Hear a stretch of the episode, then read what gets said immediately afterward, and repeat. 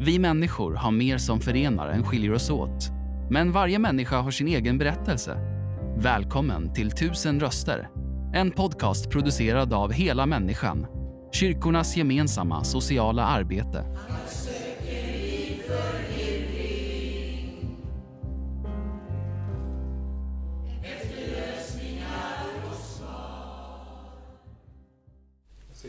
Hos Hela Människan i Gislaved och eh, träffar Jessica som är 46 år. Som ursprungligen är från Huskvarna men nu bor i Gislaved. Hej, hur är läget? Jo, det är ganska bra. Ja, Ja, hur ofta kommer du hit till Hela Människan? jag kommer nästan varje morgon och dricker lite kaffe och pratar lite med de som jobbar här. Ja, Ja, och på tisdagar hämtar du en? Matkasse. Ja, matkasse. Och ibland kan jag fråga om en tallrik gröt också då.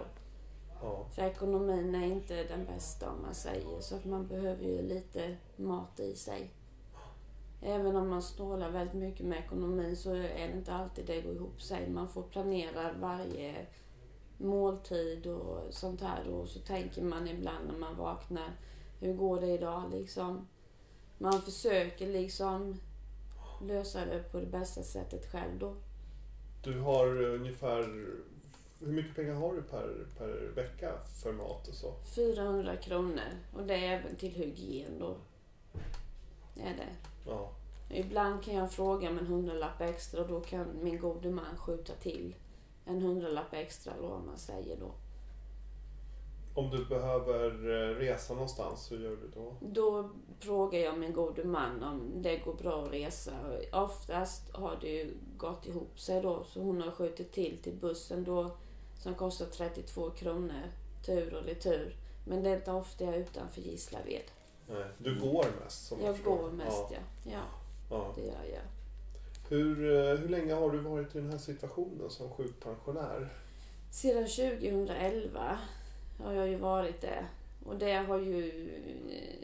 Man tycker ju nästan att det har blivit värre på ett sätt på morgonen just med maten. För min del är det mest maten som gör att det kan vara lite jobbigt ibland. Mm. Det är svårt att kombinera ihop maträtter och kvällsmat och ibland så lever man på lite pasta på kvällen bara för att man ska få lite mat i sig då. Så man får ju pussla ihop matdelen. Vad hade, vilken situation hade du suttit i om du inte hade fått den här matkassen då? Som du Då hade det varit extremt fattigt. Vad hade du det fått varit. äta? Ja, knäckebröd kanske, gröt. Så här. Gröt på kvällen. Man kanske hade fått äta gröt flera gånger om dagen då. Havregrynsgröt. Som jag äter ganska mycket av då. Mm. Mm. Det är tufft. Ja, det är jättetufft det är det. Mm. Mm. Hur kom det sig att du hamnade i din sjukpensionering? Det var på grund av att jag jobbade som montör på Husqvarna AB. Och jag jobbade där i 11 och ett halvt år som montör. Och sen så blev jag utsliten i en armen efter ett tag för det var väldigt monotont och stressigt.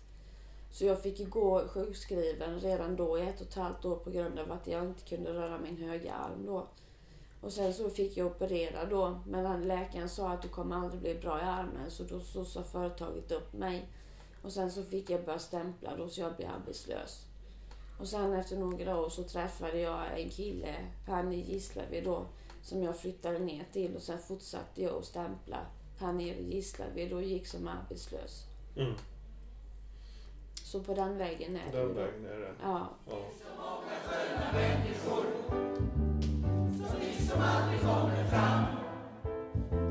Precis som böcker i ett bibliotek som bara står och samlar namn.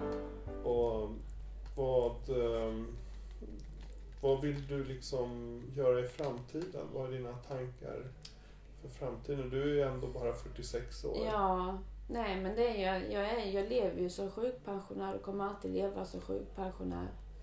Det är ju så. Jag har ju dagverksamheten Solen här i Gislaved som jag går till varje dag också. Och det är ju mycket gemenskap och vi, vi pratar mycket och en del äter lunch tillsammans och man kan dricka lite kaffe. Och man tittar lite på TV, vi spelar lite spel. Mm. och hitta på lite saker sådär. Mm. Så att det, det är ju solen dagverksamheten betyder ju väldigt mycket för mig också då, om man säger. Om du skulle beskriva en riktigt bra dag för dig, eh, hur skulle den se ut? Ja, en bra dag det är väl när man kan gå till RIA och dricka en kopp kaffe, sitta och prata lite och känna att man, man tillhör någonting ändå när man går till RIA. Att folket bryr sig om en här vid, att man får en tallrik gröt och att man kan sitta ner och prata lite och få vara lite social.